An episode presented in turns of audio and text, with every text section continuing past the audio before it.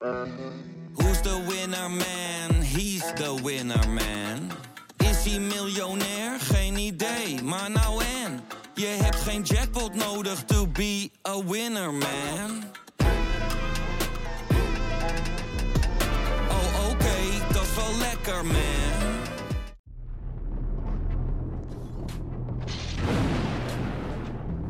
Goedemorgen Jos. Goedemorgen. Welkom bij een nieuwe VIWK ZSM. Het is maandag 28 november, de dag na de wedstrijd vol met toppers. En laten we eens beginnen met de wedstrijd tussen de Duitsers en de Spanjaarden. Eh, Spanje domineerde een balbezit, maar de kansen waren voor de Duitsers. Uiteindelijk pas in de eindfase werd het 1-1 dankzij Fulkrug. Ja, Goed gezegd. dankjewel, dankjewel. Uiteindelijk wel een bepalend doelpunt. Al is het nog steeds een lastige opgave voor eh, ja, de ploeg van Hansi Vliek. Ja, inderdaad. Ja, we hebben een beetje de scenario's op een rijtje gezet. En ze zijn wel afhankelijk van, ja, je moet, ze moeten hopen dat Spanje hun plucht gaat doen tegen, tegen Japan. Eh, en dan kunnen zij gewoon winnen van Costa Rica. Eh, dan gaan ze door. Maar wat een heerlijke wedstrijd. Ik heb echt, echt Ja. genoten. Het was echt een topdag ook. Gewoon een goede wedstrijd. Ik denk misschien wel de beste dag van het WK. En ja, vooral eh, Spanje-Duitsland. Dat was echt genieten van het voetbal van Spanje. Maar ook genieten van de intensiteit die de Duitsers altijd hebben. En eh, ik vind het dan stiekem wel leuk dat de wedstrijd pas beslist wordt zodra de echte spitsen worden ingebracht. Dan kun je nog zo mooi denken met systemen van valse spitsen, wegtrekkende spelers, ruimte in het centrum. Maar je hebt toch een afmaker nodig. En dat bleek eh, Morata en eh Voele Kroeg bleken dat eh, te Goed zijn. uitgesproken. zeg. Ja, dankjewel. Ja, Voele Ja. Kroeg, dat- je moet het eigenlijk schreeuwen, vind ik persoonlijk, zo'n ja, naam. ja, ja, Dat gaat weer te ver, hè?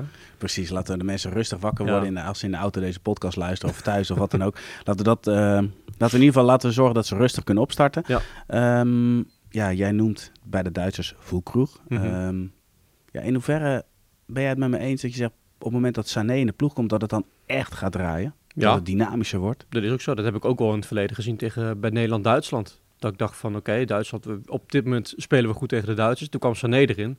Nou, die draaide volgens mij toen de rechtsback. Ik zou niet meer weten wie het was. Draaide die helemaal dol. Dat ik denk van, oh nee, dit gaat nog een probleem worden in de tweede helft.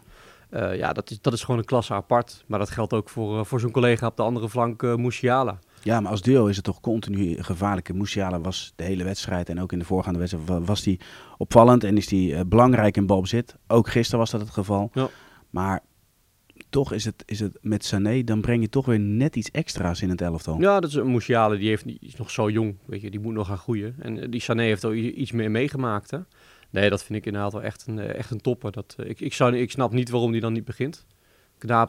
Ja. vind ik nou bijvoorbeeld minder interessant op de flanken dan een Sané. Want Sané die brengt echt met zijn explosiviteit, die is echt nog even een paar klassen sneller en Ja. behendiger. Ja, die, die zou ik altijd opstellen als Duitse bondscoach. Ja, helemaal mee eens. Eh, Er staan er wel een lastige opgave voor de Duitsers. En dan kun je als voetbalromantie kun je zeggen van... nou ja, het is ook wel leuk als een ander land en met verrassingen en eh, noem het allemaal op. Maar kijkend naar de wedstrijd van gisteren tussen Duitsland en Spanje... dan ja, kunnen we niet anders stellen dat dit uiteindelijk wel de landen zijn... die ook in de volgende ronde wil zien in de absolute topwedstrijd. Ja, nee, zeker. Dat moet je, ik, ik vind dat de, de sterkste landen moeten straks eh, richting de volgende ronde. Ik, ik moest ook eh, totaal zijpadje, maar dat is toch niet erg in VZSM. Nee, zeker niet. Dat is, eh, over vier jaar hebben we natuurlijk het WK met meer teams. Dan heb ik even berekend. Voor mij gaan ze dan drie landen per groep doen. Dus dat zijn 16 groepen. Heb ik even geteld. Dan ga je dus gewoon groep P ga je krijgen. Dan ga je dus allemaal van die kleine landjes waarschijnlijk ga je in de volgende ronde krijgen. En als je dan zegt van ja, ik wil de sterkste landen in, dan is zo'n groot WK eigenlijk helemaal niet zo prettig. Maar ik moest even heel erg wennen aan het feit dat er een groep P gaat zijn eh, over vier jaar. eh. Oké. het voelt een beetje gek. Sorry voor dit hele kleine zijpadje. Als jullie het niet interessant vonden, sorry. Ja, maar goed. Nogmaals, eh, het is ook wel weer leuk wat er allemaal speelt. Hè. Dit, Ja, dit dit gaat in wel. jouw hoofd Ja. gaat het rond. Nee, maar ik, Ehm, sorry, maar Duitsland, ik, ik vind het wel heel knap hoe ze zijn omgegaan met die. Vooral in de eerste helft was echt Spanje die voetbalde en die tikte. En Duitsland kwam er gewoon niet aan de poort. In de zesde, zesde minuut was Dani Olmo, die raakte de lat via Manuel Neuer. Ja. Geweldige redding. Ik heb even opgeschreven. Ze hadden, daarvoor hadden ze gewoon twee minuten lang hadden ze eigenlijk de bal, Spanje. En daarin hebben ze 35 passes verstuurd. En Duitsland kon er gewoon niet aan. En dan, dat ontstaat dan de kans voor Ja, Dani Oké, maar dan ga ik wel iets zeggen tegen jou. Drie kansen uiteindelijk. Ja, nee, ja, inderdaad. Ja, dat is het een beetje. Het bedoel, ik geniet toe. daar ook van, maar uiteindelijk ja, maar drie kansen en zo domineren. Ja. Ja, dus, dat is het verschil tussen horizontaal voetballen en verticaal voetballen, zeggen ze dan. Hè? Doe je de paasje opzij naar Pedri en Gavi. Ja, leuk als ze daar een beetje gaan combineren. Ja. Maar het gaat er uiteindelijk om wie de kansen creëert. Ja, dan was Duitsland inderdaad de bovenliggende partij. Nog heel erg geluk met die Rudiger, eh, die afgekeurde goal. Ja. Ik denk als hij een meter naar achter stond en geen buis, had hij hem ook binnengekopt. Dus dat was gewoon net, net de pech. Ja, dat, dat is wel dat is het enige dat ik zeg van Spanje wordt geen wereldkampioen inderdaad. Het moet echt eh, efficiënter gaan worden, het mooie spel. Ja. Als je dat kunt gaan omzetten in, eh, in efficiëntie, in, in kansen. Ja, dan gaan ze meedoen. Maar op dit moment... Helemaal Het is, ja, het is ja, nog niet, nee, nee, inderdaad. Het is indruk, maar eh, ze, ze maken echt indruk. Maar nog niet voldoende, denk ik, voor eh, dat je bij de echte top favorieten voor de wereldtitel mag, eh, mag scharen. Ja, we gaan het in de gaten houden. We gaan door naar de volgende wedstrijd. België tegen Marokko. We, we kunnen daarin twee onderwerpen bespreken. We kunnen het hebben over de teamprestatie van de Marokkanen. Knappe prestatie met een belangrijke rol van Hakim Ziyech. En dat kan ook nog wel eens heel prettig gaan worden in de komende periode... waarin hij eh, mogelijk op zoek zou moeten naar een werkgever... die hem wel wekelijks op wil stellen. Eh, maar laten we eens beginnen met de Belgen. Ehm, ja, eh, Pijnlijk. volgens mij is het echt wel klaar toch met deze Ja, generatie. dat eh, lijkt er wel op, ja. Ja, je kunt zeggen wat je wil, maar het werkt niet. En wat ik het meest schokkende vind, is dat je een De Bruyne in je team hebt. Een, een, een speler waar elk land van zou dromen.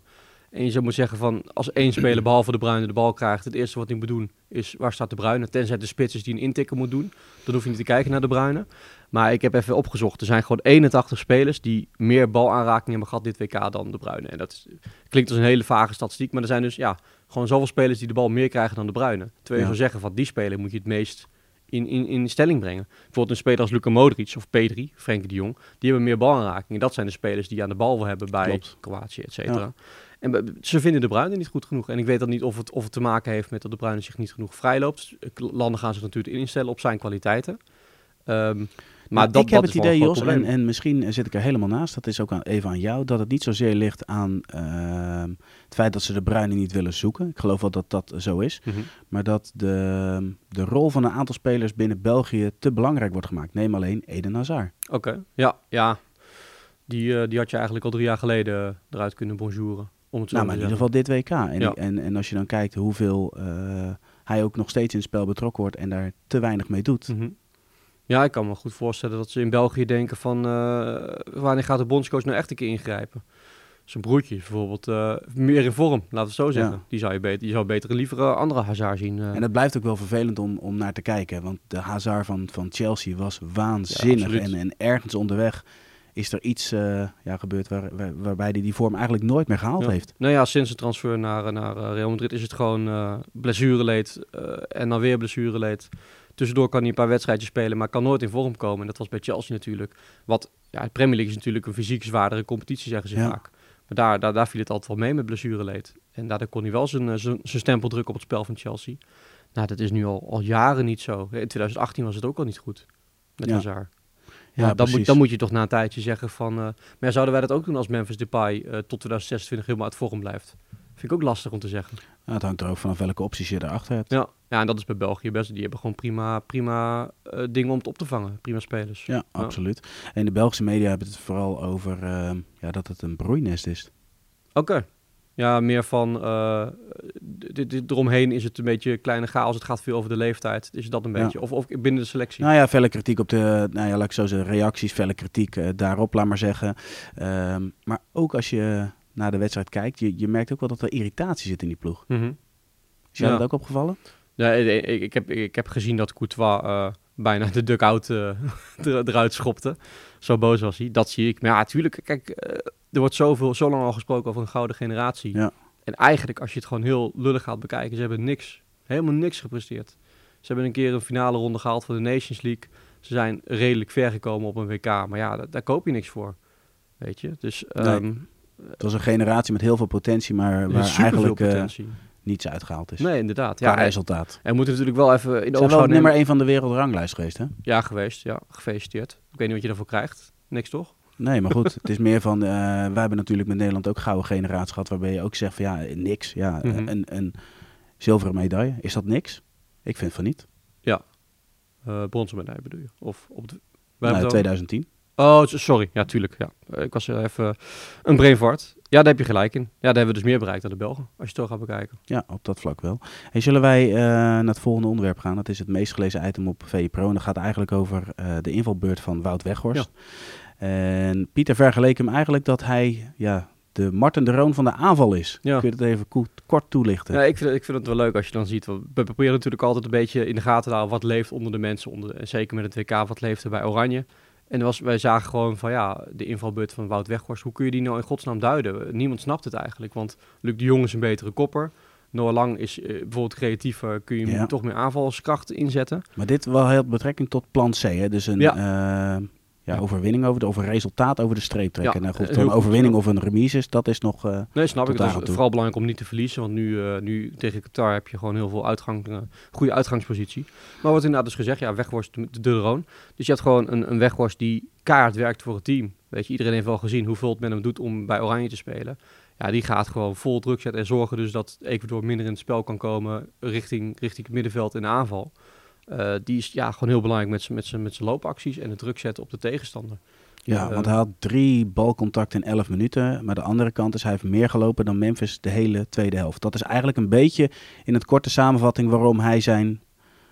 inval, waar, waar hij zijn invalbeurt aan te danken heeft, toch? Ja, nou, maar dat zegt ook gewoon alles. En waarschijnlijk laat hij dat ook elke, elke training zien. En daar is het verhaal natuurlijk ook wel. Ja. die, die ziet dat ook.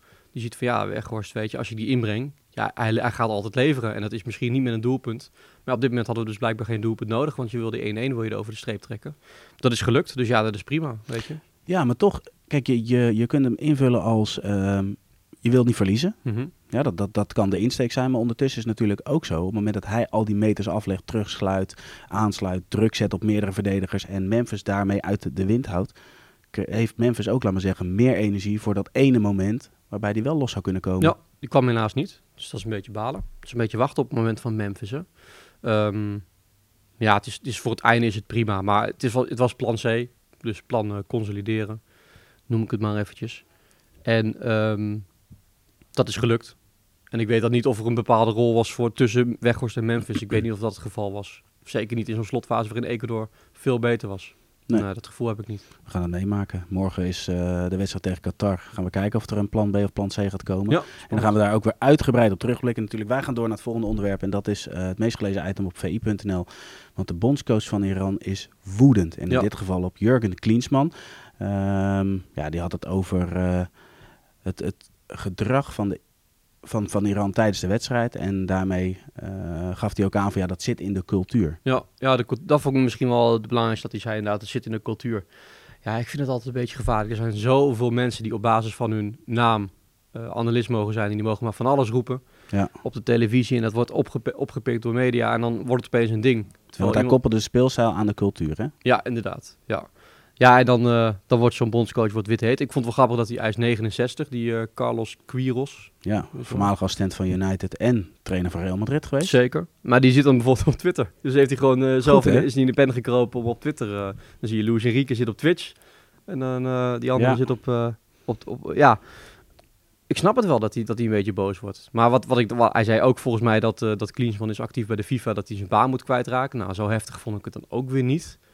Ehm, Nou, dat is dubbel op, want hij nodigt hem ook uit om eens een keer mee te kijken hoe het er echt aan toe gaat. kom eens een keer langs, je bent ook welkom in mijn familie. Maar dan deel je ook weer een sneertje uit van, ja, weet je, hij heeft Amerikaanse roots en Duitse roots. eh, daardoor haat hij ons. Ja, dat vind ik, dat vind ik even iets te makkelijk. Ja. Waarschijnlijk ziet Klinsman iets en dan spreekt hij dat uit. Ehm, maar dat heeft hij misschien iets te snel gedaan. Maar ja, ik snap niet dat, dat, dat je dan zo wit moet reageren. Je hebt lekker gewonnen, je hebt eh, goed, goed uitzicht om die knock-out fase te halen. Geniet daar gewoon van en laat het wat het is. Ja, maar kennelijk lopen de spanning op, Jos, want het is niet de enige. Ik bedoel, eh, we hebben het zelf ook meegemaakt met Van Dijk, die ook heel fel reageert op, op kritiek. is een heel ander geval van eh, kritiek Mhm. natuurlijk. Ja.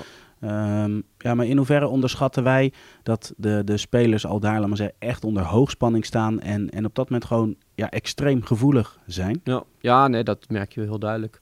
En dan is het inderdaad wel wat, wat, die, wat de bondscoach van Iran goed doet. Je moet je spelers gaan beschermen. Jij moet dit gaan zeggen in plaats van spelers. Ja, de- dat, dat vind ik wel een goed punt. Ja, je kunt spelers niet meer afsluiten van de buitenwereld. Hè? Je kunt niet zeggen van leef je mobieltjes maar in zoals ze dat op de middelbare Ja. school tegenwoordig doen. Ehm, dus Goed, jij zegt eigenlijk goed dat hij reageert, maar hij slaat een beetje door. ja, hij, hij, slaat door in het feit dat hij zegt van ja, eh, dit- moet gevolgen hebben voor Klinsman en zijn baan. Dat vind ik dan weer niet. Nee. Hij heeft iets gezegd wat misschien onverstandig is en misschien eh, eh, stigmatiserend, om het zo maar te zeggen. Zeker. Maar dat is, nou, zulke gevolgen, dat vind ik dan wel overdreven. Helemaal mee eens. Jos, bedankt voor jouw bijdrage. Jij bedankt. Deze VIWK ZSM. En jongens, jullie bedankt voor het luisteren en voor het kijken. Morgen zijn we uiteraard weer terug met een nieuwe aflevering. Tot ziens.